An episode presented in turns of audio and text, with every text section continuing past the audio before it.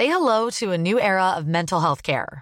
Cerebral is here to help you achieve your mental wellness goals with professional therapy and medication management support. 100% online.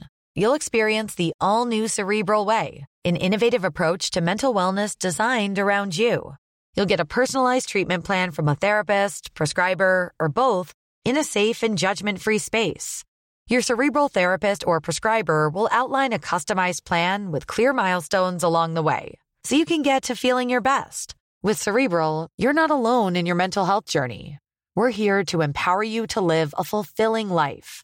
So take that first step towards a brighter future and sign up today at cerebral.com slash podcast and use code ACasts to get 15% off your first month. Offer only valid on monthly plans. Other exclusions may apply. Offer ends July 31st, 2024. See site for details. Hey, I'm Ryan Reynolds. At Mint Mobile, we like to do the opposite of what Big Wireless does. They charge you a lot, we charge you a little. So naturally, when they announced they'd be raising their prices due to inflation, we decided to deflate our prices due to not hating you.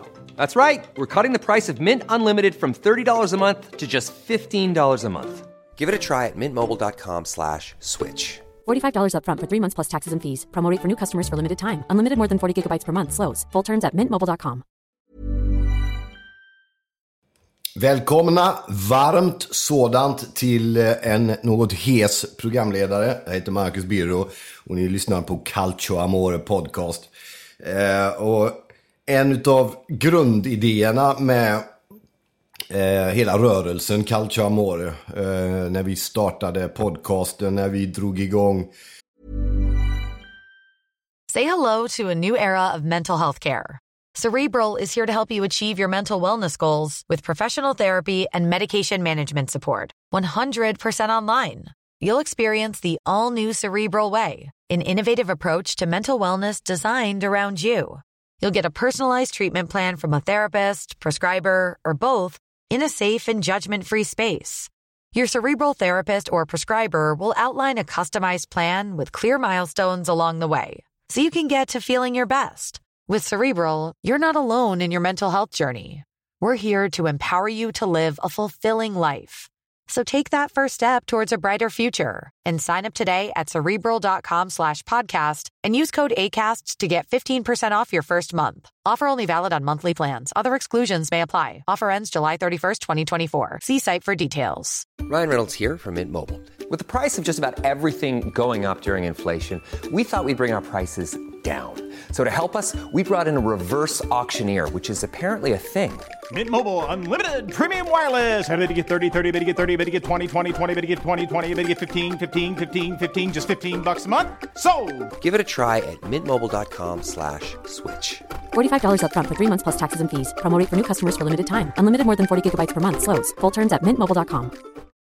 Join us today during the Jeep Celebration event. Right now, get 20% below MSRP for an average of 15178 under MSRP on the purchase of a 2023 Jeep Grand Cherokee Overland 4xE or Summit 4xE. Not compatible with lease offers or with any other consumer incentive offers. 15,178 average based on 20% below average MSRP from all 2023 Grand Cherokee Overland 4xE and Summit 4xE models in dealer stock. Residency restrictions apply. Take retail delivery from dealer stock by 4 1. Jeep is a registered trademark. Facebook-sidan, när vi startade Twitterkontot, eh, allt det Oddsbaren gör, det Patrik gör med grafik, det jag försöker skriva och lägga ut och producera, så handlar ju det om att Calciamore vill vara en mötesplats för alla som älskar italiensk fotboll. Eh, oavsett vilket lag det är, oavsett om man har något lag, eh, oavsett varför man älskar Serie A och Italien, om man har blodsband eller bara älskar att åka dit eller har en hatkärlek. Vad det än är så vill vi att Calcio Amore ska vara platsen som du vill besöka och som du vill titta in på för att ta del av det som är det viktigaste från den italienska fotbollen. Det gör att vi har en Facebook-sida som vi uppdaterar med nyheter. Vi har ett Twitterkonto som dunkar ut 5-6 nyheter om dagen. Vi har ett Instagramkonto som tickar på. Vi har en podcast. Vi har webb-tv-program varje söndag klockan 20. Och det gör att vi rör oss ut i sociala mediers miljö för att eh, helt enkelt försöka vara en så samlingsplats för allt som har med den italienska fotbollen att göra. Och som ett led i det så tänkte jag eh, under hösten och vintern eh, att träffa på människor som eh, med glatt, eh, förvirrat, bekymrat men nästan alltid passionerat hjärta kan berätta om varför de kom att älska just sina lag. Eh, varför de blev eh, interista eller romanista eller Juventino eller Napoli-fans eller vad det nu kan vara för något. Eh, för det är alltid spännande att lyssna till vilka vägar människors hjärtan har fram till sina favoritlag. Och först ut är Mats Engman. Trevlig kille som jag mötte på ett extremt stimmigt hotell här för några dagar sedan. Mats Engman håller på Juventus och det var, och jag hoppas ni kommer att utbyta av det också. Jävligt intressant att lyssna på vilket VM det var som väckte hans fascination för Juve. Och vilket landslag under detta VM det var som lockade in honom på den svartvita vägen. Eh, och framförallt så är det så otroligt intressant att se med vilken livslång dedikation människor förälskar sig i sina klubblag. Mats varandes ett utmärkt exempel på det. Eh, att lyssna på honom och, och sådär så förstår man ju hängivelsen han har för sitt Juventus. Och då går det väldigt enkelt att översätta det till laget som man själv håller på. För det är någon eller två färger möjligen som skiljer våra halsdukar åt. Men där bakom de här halsdukarna så är det samma passion. Det är samma hjärta, det är samma frustration, det är samma dedikation, det är samma hängivelse. Det är samma tonart i våra hjärtan. Och det är det tror jag som gör oss som älskar italiensk fotboll unika och speciella, inte märkvärdiga eller bättre i något hänseende. Men det är det som definierar dem vi är. Och den gemensamma punkten är jag ute efter. Och därför ska det bli jättekul att få göra det här tillsammans med er. Att träffa så kallade vanliga supportrar, vad det nu är för något människor som kanske inte annars syns och hörs och märks så jättemycket i jättemycket media. Men som får chansen att i Calcio Amore lyssna, att bli lyssnade på och få tala om sin passion för sitt lag och varför det blev just det laget och sådär. Så, äh, det var spännande. Stort tack till Mats Engman för att han var med. Eh, och eh, med visst överseende för att det är lite stimmigt ljud då eftersom det var på en stökig ställe vi var på. Jag vill också fortsätta tacka svenska fans som ju är en eh, fantastisk sida just för den här typen av människor som jag pratat om nu. Eh, vi är väldigt stolta och glada över att ha samarbete med svenska fans. Stort tack till Betfair som ni har hört om innan här. Vi är ju en del av poddarnas kamp och de är med och sponsrar podden och är helt och hållet nödvändiga för att vi ska kunna gå runt och klara det här. Tack till Patrik eh, Dutti som gör all fantastisk grafik och publicerar och producerar nyheter på löpande band på Twitter. Har ni inte börjat följa Calcio Amore på Twitter så gör det. Är ni inte med oss på Facebookgruppen, gå in och bli medlemmar där. Ni är varmt, varmt välkomna. Tack till Oddsbaren också såklart som gör det här möjligt och som tror på det här projektet och den här drömmen, den här idén. Tack till Anton Avernäs i högsta grad som klipper och sköter teknik och allt sånt där. Och ett stort tack till dig som lyssnar också så ger jag er Mats Engman. Pirlo,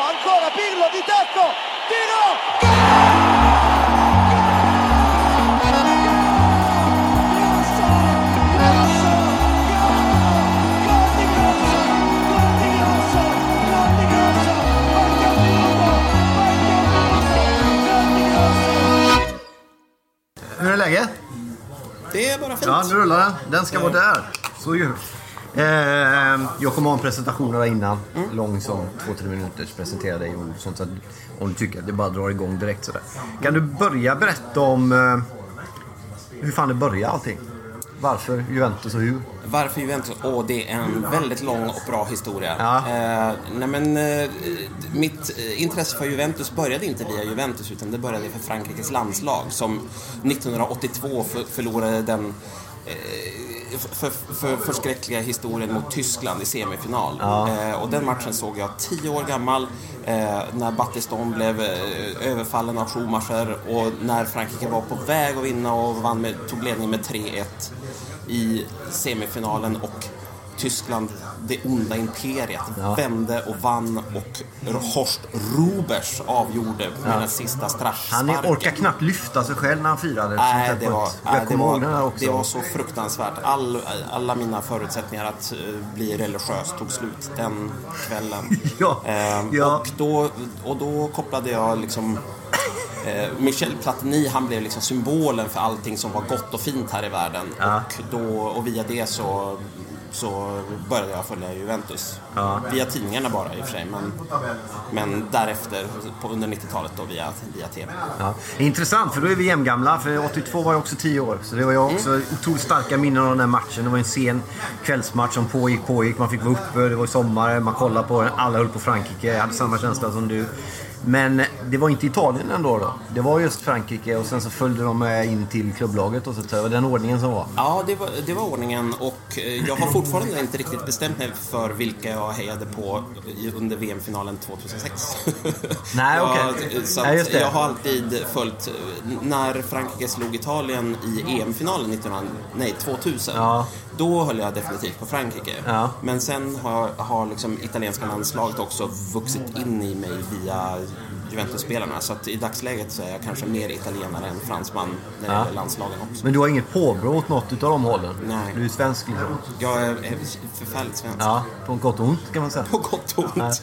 Men det där är intressant för då är det ju då om vi pratar början av 80-talet, man är 10 år och sen så har ju Juventus har ju haft många storhetsperioder men det här är ju en av dem. Då var de ju väldigt, väldigt, väldigt bra. Liksom vad, hur snabbt kom passionen till? Hur nära? För då såg ju det, alla vet väl möjligen kanske inte om det men det mediala allt såg annorlunda ut. Var man, hur, hur tog du reda på fakta om dem och hur, hur följde du dem? Nej, men det, det man följde det var ju via enstaka mål som sändes på sportsändningarna från Europamatcherna. Eh, sen är det ju så att historien tar inte slut där 82 utan den första match som jag får tillfälle att se då med Juventus det är ju finalen 85 i Europacupen med Hazel-katastrofen. Så den första match jag ser den första Juventus-match som jag ser den inleds med att 39 Juventus-supportrar eh, då blir eh, i- ihjäl eh, trampade och klämda i en fruktansvärd läktarkatastrof. Och det, det bidrog ju också till att Juventus blev så att säga blev väldigt mycket en symbol för några som blir hårt åtgångna av andra. Eh, och sen med tiden så har man ju förstått att andra har en ett- definitivt en annan bild av, av den saken, men så såg det ut för mitt eh, under min uppväxt på, på 80-talet utan någon tillgång till, eh, till eh, svenska fansajter och, och så vidare. Eh, men, eh, men fram till att Uno Clusto eh, startade så var ju Juventus någonting man följde via, vet, via sportsidorna där det stod Juventus mot eh, Milan 1-1. Ja. Det där är ju, jag minns ju också den där, det var ju en varm vårdag, den här matchen skulle spelas på kvällen. Och då var det ju väldigt sällsynt med den typen av, av matcher i TV. Så att man, hade ju, man såg ju fram emot, det var ju inte som det är nu. Det var ju inte så mycket fotboll på TV liksom. Var, när började du, om du började, när åkte du ner? Har du varit i Turin och när kom den blomman igång liksom?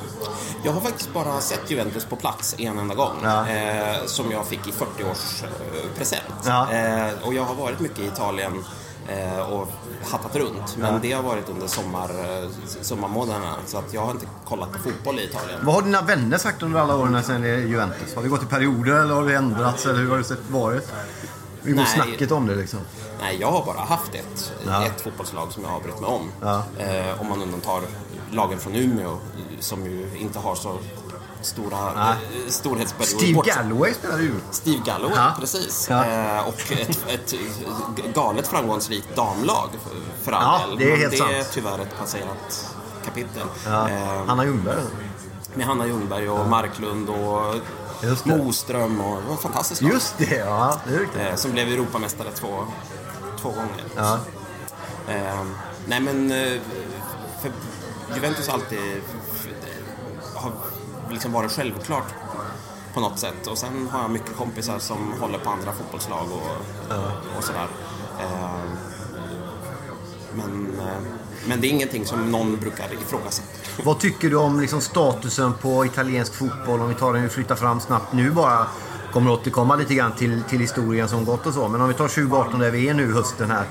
Och Serie A, Juventus varande som en del nu med Ronaldo och mycket snack kring det och sådär. Men vad, vad är dina... Hur, hur tycker du läget är nu här liksom?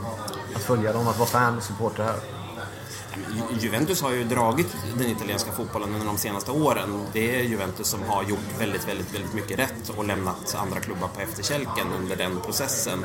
Eh, trots att de 2006 stod med, eller eh, vad heter det, 2012 stod med jämförbara resurser så är ju Juventus på en annan planet än de flesta klubbarna idag.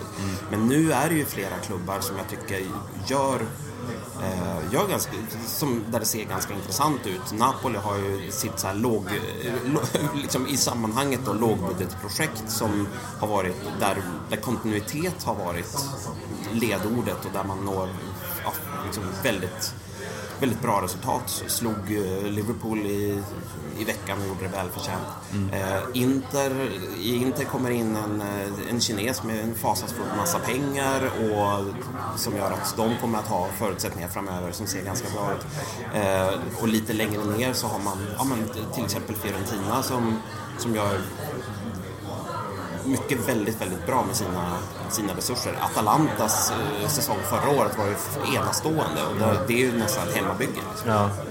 Eh, men hur känner du inför Juventus den här säsongen? Om, eh, alltså en sån gubbe som när Ronaldo kommer, blir du glad eller blir det så här du vet, YouTube har sålt ut sig-känslan? Var, var hamnar du någonstans på skalan? Nej, men jag, jag, skrev faktiskt om det redan på skvall, när det var på skvallerstadiet att jag helst inte skulle vilja se honom i Juventus. Jag såg det, ja. Ehm, För att?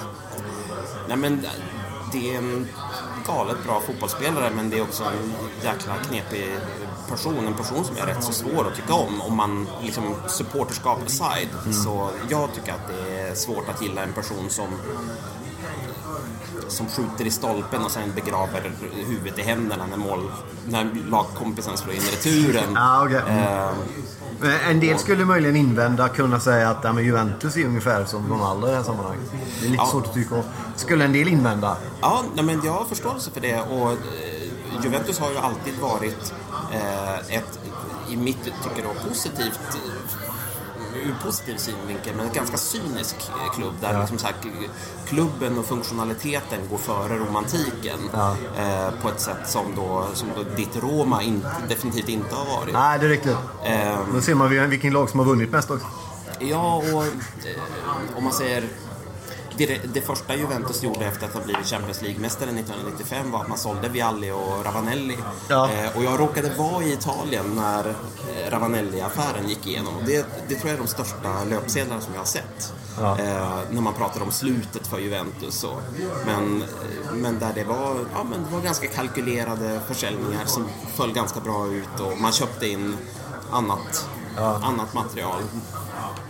Så Del, nej, Del Piero hade man, hade man redan. Men fick Zidane. Zidane skaffade man in till exempel, för, delvis då för de pengarna. Så, att, eh, så Juventus, eh, ja, men det är en ganska kalkylerande, maskinlik klubb på det sättet. Och Ronaldo är inte en, det är liksom inte en ologisk värvning sett till det. Man får ganska mycket för pengarna eftersom han Ja, han är 33 år gammal men han kommer hålla ett, trots allt ett tag till. Men sen har man ju fått med sig väldigt mycket annat som ju då definitivt är problematiskt både på och utanför plan.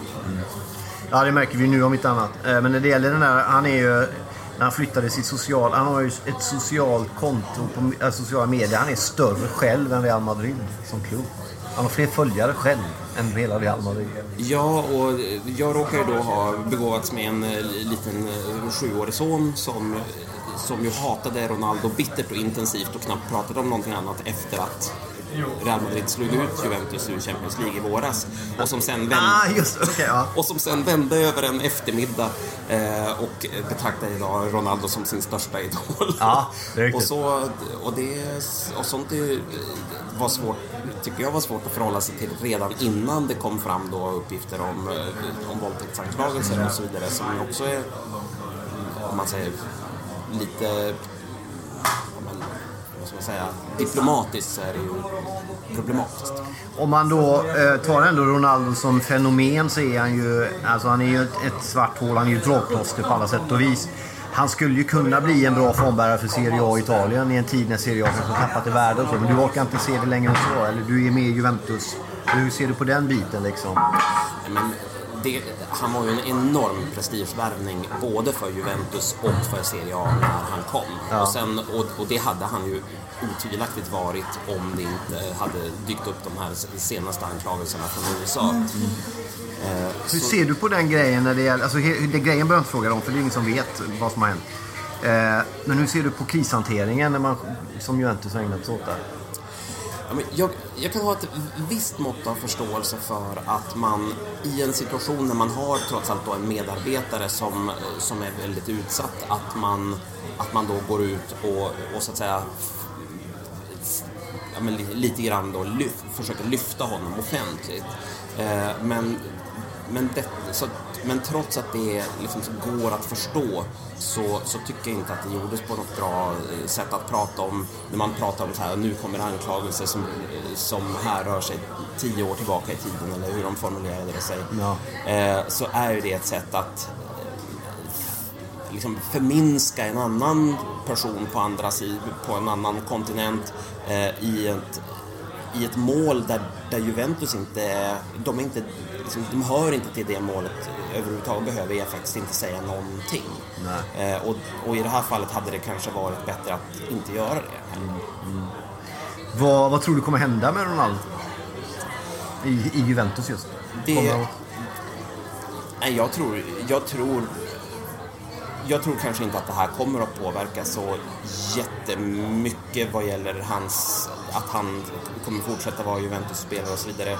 Eh, det, det jag hoppas att både Juventus och Ronaldo kommer att säga är att man välkomnar en, en rättslig prövning. Och fram till den äger rum, då kan man säga att men det här är en person som precis som alla andra har rätt att betraktas som oskyldig till dess att motsatsen har bevisats.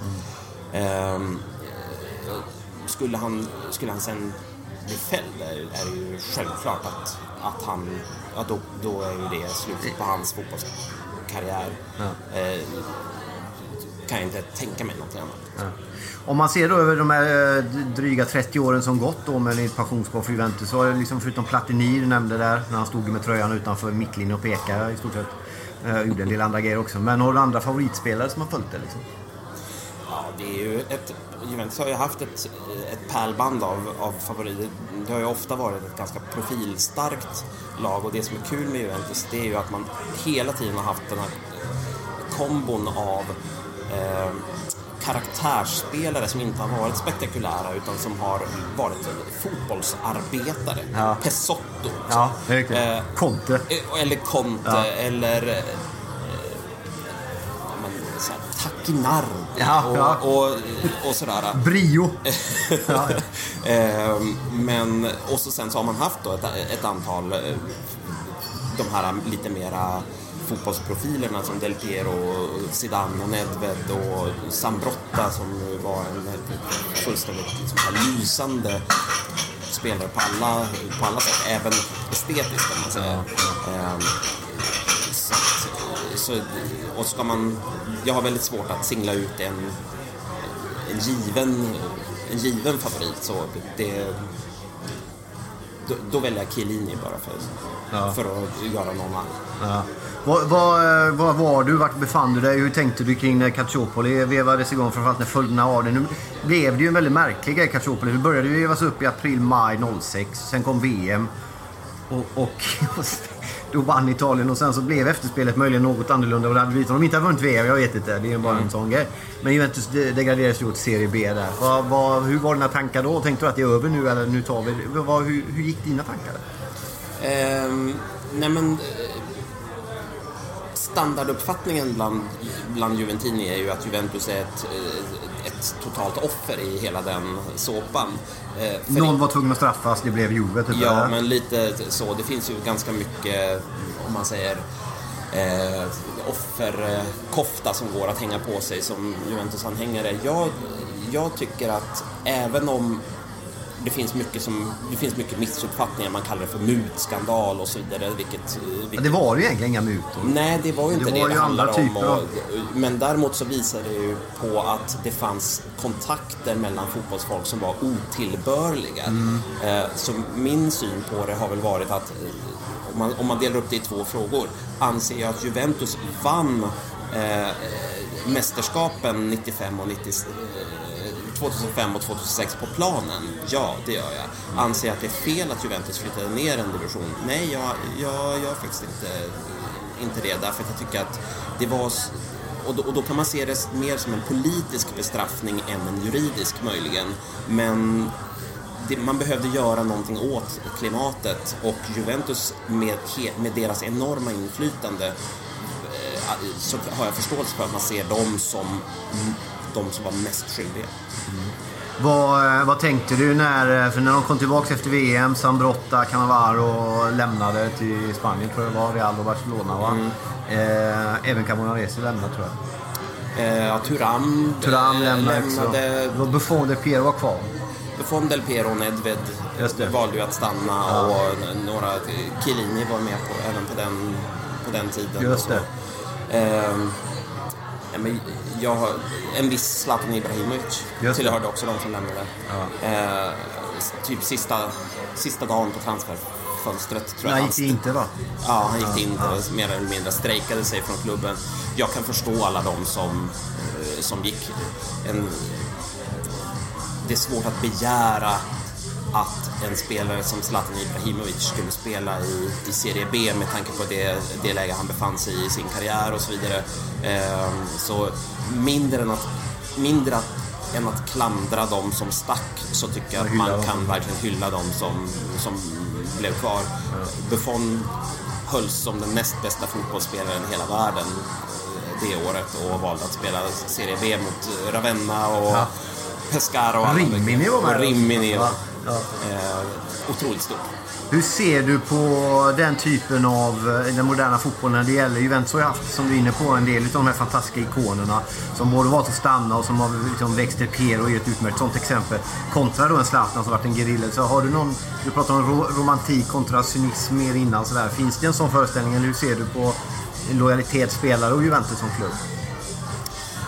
Det första man ska säga är ju att det är ju lättare att vara lojal gentemot en klubb som vinner mycket och är väldigt framgångsrik. Ja, det är sant. Eh, det är ju, man kan ju prata om eh, Paolo Maldini som är oerhört lojal mot Milan, men det var ju också ett Milan som bara vann och vann och vann. Varför skulle han sticka någon annanstans? Ja, det är. Eh, det är ju skillnad med Francesco Totti som valde att stanna i en klubb som ju inte hade någon chans att vinna de stora titlarna och så vidare. Ehm, Men, men det är jag menar, det här är ju, det är ju individer och, och personer som spelar fotboll som liksom yrkesmässigt och har ju all rätt i världen att göra yrkesmässiga val. Men det är klart att man som supporter fin, så tycker man ju om idén med en spelare som liksom identifierar sig med sin klubb och inte bara för att han eh, eh, pussar på sin egen tröja när han gör mål utan som faktiskt visar det i eh, även ja, men, lite grann i, vad säger man, i nöd och lust. Ja. Chiellini är ju en sån nu för Juventus rätt mycket kan man säga, eller? Har jag... Jag tycker att Chiellini han är ju väldigt illa omtyckt av andra för att han är, för att han är en eh, filmare och att för att han spelar grisigt och så, och så vidare. En Men av de smartaste fotbollsspelarna vi har just nu runt omkring oss. ja, jag tycker att han är Och inte bara därför just nu, men alltså, han är ju välutbildad. Han är, han är också på ett annat sätt än vad, som, vad man kan se i en match. Typ. Alltså, han är ju mer fotboll. Ja, och, och dessutom välformulerad. Eh, jag älskar intervjuerna med honom på engelska. Han är ju en av få i Juventus som Ja. faktiskt pratar engelska. Ja, lite grann ska vi säga att han pratar engelska. Ja, men han kan det. För att säga “We are happy to go through to the Cardiff”. Ja, ja, exakt. Ja, exakt. Men det kommer bara långt på i taget. Ja. Men, men han är ju, han är ju verkligen en, eh, han är en figur eh, att, att verkligen gilla som, som Juventus-supporter. Jag tror att jag inte är den enda som, som tycker väldigt mycket om honom, väldigt mycket om hans, liksom, eh, han, den passion han visar och eh, ja, jag tycker han representerar väldigt mycket av det som är, är värt att tycka om med Juventus. Det finns några sådana ögonblick där, där liksom Juventus-aktien i Sverige, åtminstone hos mig, gått jävligt högt. Det var ju match mot Tottenham bland annat. När de räddade mål och jublade och firade. Och efter en intervju där också när han pratade om eh, Astori som precis hade gått bort i Fiorentina innan där, som vevades många gånger. När han började gråta. Och, och han är ju en, alltså en känslomänniska och, och allt det där. När det gäller just det försvarsmässiga, ta en sån konkret fråga som Bonucci till exempel. Som försvann från Milan av olika anledningar. Jag vet inte var, ja, exakt varför. Var det Allegri-grejen eller? Eller blev han lovad, kom till oss, du blir lagkapten, stor fanbärare? Eller vad var... Eh, vad jag vet så har han inte sagt så mycket själv Nej. om det. Eh, och det, det var ju tydligt att han och Allegri, att det fanns groll mellan dem och, och det tror jag hade stor betydelse för att han lämnade. Det kan också ha varit så att han tyckte att det var spännande att få komma till ett Milan med en satsning som såg jäkligt lovande ut då. Ja, det gjorde det faktiskt. Eh, och som sen kanske har minskat lite grann eh, i, i värde sen dess. Eh, det kan finnas många olika skäl men Eh, Men eh, jag, jag tyckte det var skitkul att han kom, kom tillbaka. Jag tycker att det är en spelare som jag förknippar med Juventus och hade ing- att, att man eh, att, man sticker, det kan, han kan ha haft sina skäl. Eh, och jag kan inte se någon anledning att hålla det emot honom. För det är så intressant att se bara de här omgångarna som varit en bit in nu. Hur mycket bättre han är när han har bättre omkring sig. Eh, Juventus. Alltså de här långa bollarna. Han slog någon passning nu senast i kuppen mot Järnborg som Dybala gjorde mål på. Sådana här grejer som han gjorde innan. Han slog aldrig, han gjorde ju aldrig något sånt rätt i Milan. Han hade en säsong på sig. Han misslyckades igen. Ja, men jag tror att han... Eh, han är... Om man tittar på Juventus så när han kom till Juventus så var det mycket fel och misstag och så vidare. Plus en mustasch som var det mest Ja, det. förfärliga man kan Ja, tänka sig. tyskporr på den. Och, och sen så var det som att han växte i takt med sin mustasch. Ja. Eh, så att han blev liksom tryggare och tryggare och därmed bättre och bättre. Och jag tycker att ehm, jag hoppas ju lite grann att Juventus ska gå över och börja spela med, med en trebackslinje därför att jag kan se ett, ett, ett nytt, en ny BBC backlinje med, med Benazia istället för Barzagli då, eh, som ju kanske inte håller på allra högsta nivå när han är 38. Nej, han har aldrig varit snabb och han blir inte snabbare. Typ. Nej, men eh, därför att det skulle frigöra plats på mitt... Ja, jag, jag kan tycka att det är synd att de inte har testat det, eh, det mer. Men, men jag tycker att Bonucci är, det är en fantastisk fotbollsspelare och jag tycker att han representerar väldigt mycket av det som Juventus är och vill vara. Vad, eh, ganska löjlig fråga för den som aldrig är med och vinner någonting. Men kan, kan du bli, tycker du det är tråkigt att de är så jävla överlägsna och har varit nu sen var det sju, gånger, sju säsonger? Eller gläds du lika mycket varje gång? Eh, nej men det, det tror jag inte. Alltså alla säger ju att ja, den här sista segern det var den allra största, men det är klart att det inte är så. Det, när de vann ligan 2012, det, då firar jag ju som en galning i flera dagar. Ja. Eh, det är klart att man inte kommer att fira på samma sätt om de springer hem ligan nästa, eh, nästa vår. Nej. Eh, Eller till jul, till jul. Är det avgjort redan? Nej, jag tror att det kan, det kan nog bli tuffare i år än vad många, än vad många räknar med. Vilka Men- tror du utmanar i så fall? Det snackas om Inter, de verkar ju ha kommit igång. Men Napoli, Ancelotti också. Kul, tog upp den matchen mot Liverpool innan där. Det var ju väl första gången man fick se ett Ancelottis Napoli vinna. 1-0, lite tristare match. Inte så mycket målchanser, men de täpper igen. Så Sarri såg annorlunda ut på. Nej, Jag, jag tror att Juventus kommer att vinna den här säsongen. Eh, Jag tror att... Jag tycker att inte att Inter är riktigt framme. Eh, Och när det gäller Napoli så är den stora skillnaden är ju hur bra spelare 15, 16, 17, 18 är Ja. i truppen. Och där kan inte Napoli jämföra sig med Juventus. Och därför, därför så förlorade de förra säsongen. Det har ju folk glömt bort nu när man tycker att Juventus är så jävla överlägsna. Men, men Napoli stod väl lägre i odds än vad Juventus gjorde med fyra omgångar kvar. Ja, det var ju det framförallt eh, när de vann på, i Turin där. När de vann Då var det fan med på darra lite. Ja, så att eh, så, så, det är inte så. Och det är inte så att Juventus har rullat över motståndarna som ett bowlingklot under inledningen. De har haft problem att slå.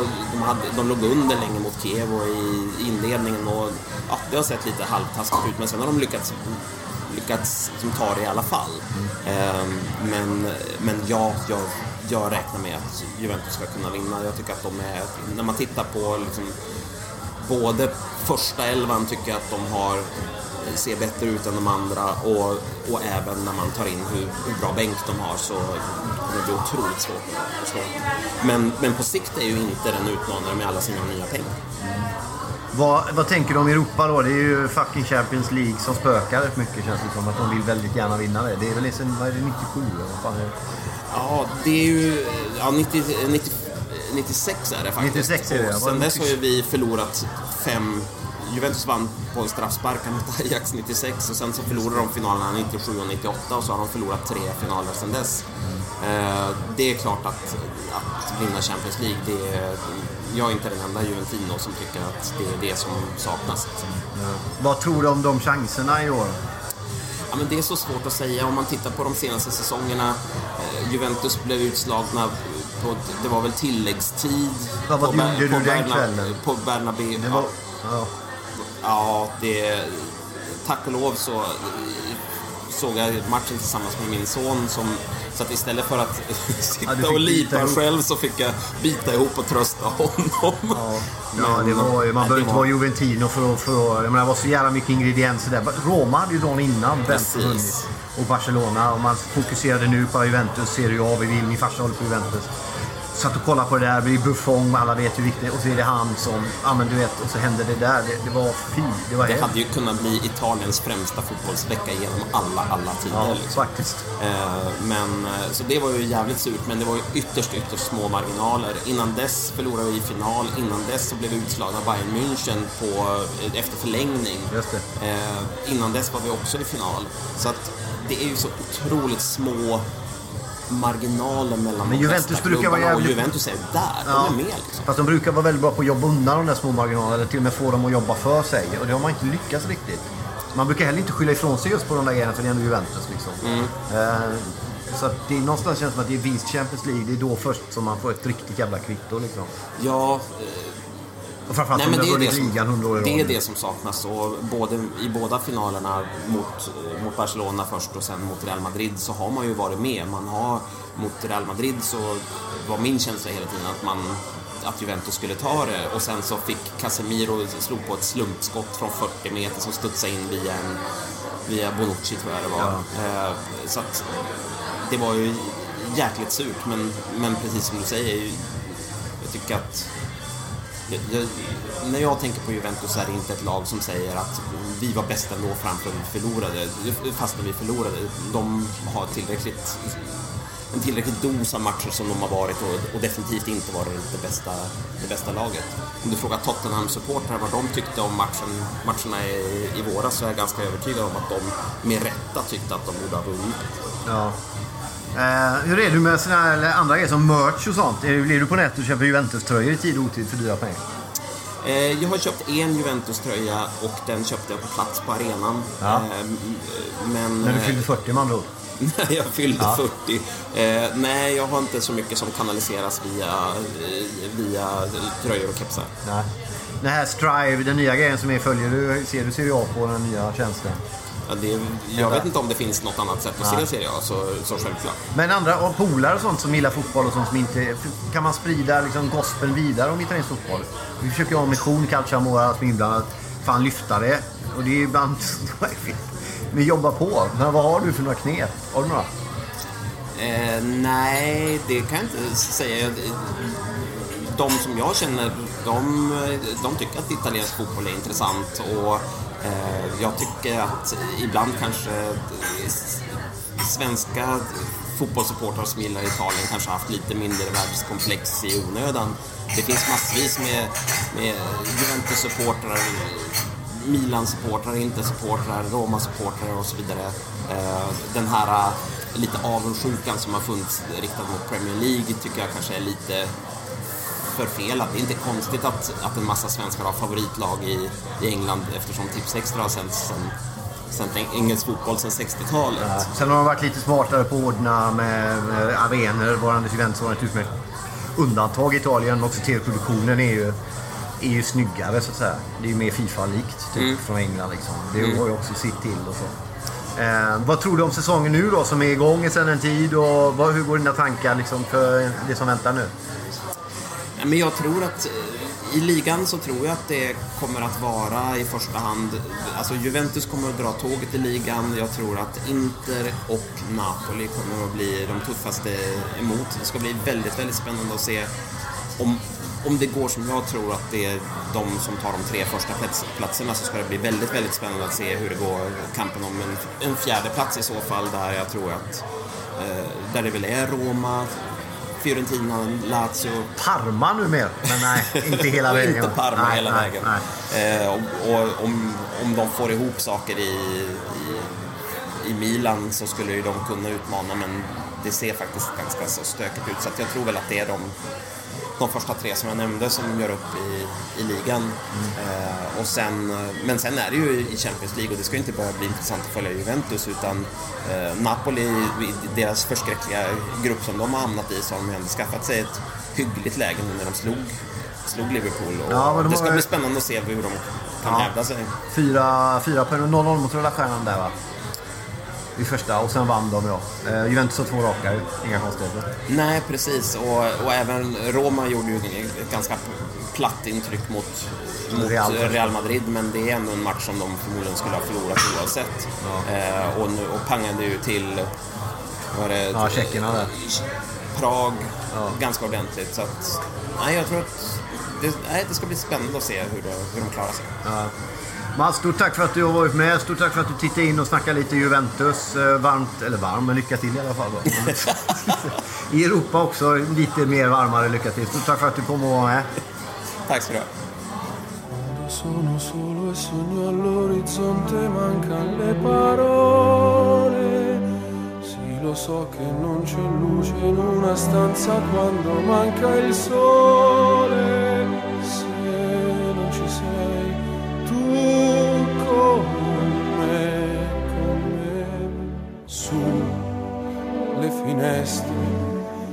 Mostra a tutti il mio cuore che hai acceso.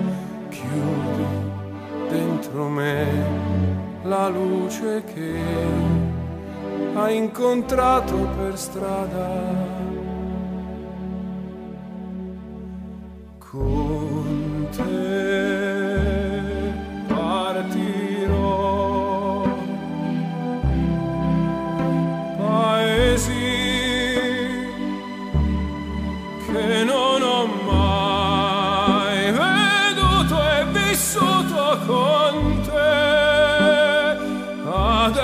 Adesso sì li vivrò con te.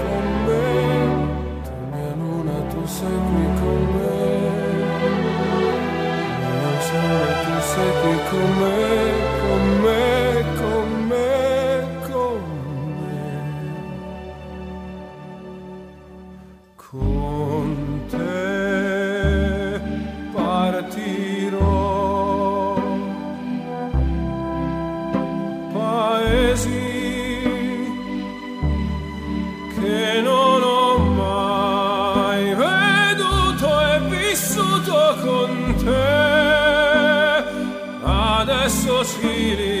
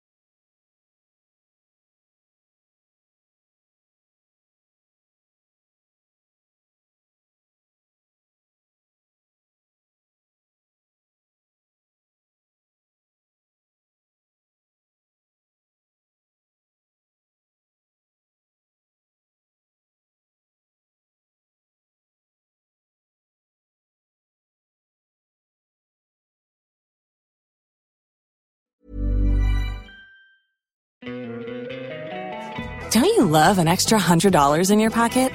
Have a TurboTax expert file your taxes for you by March 31st to get $100 back instantly.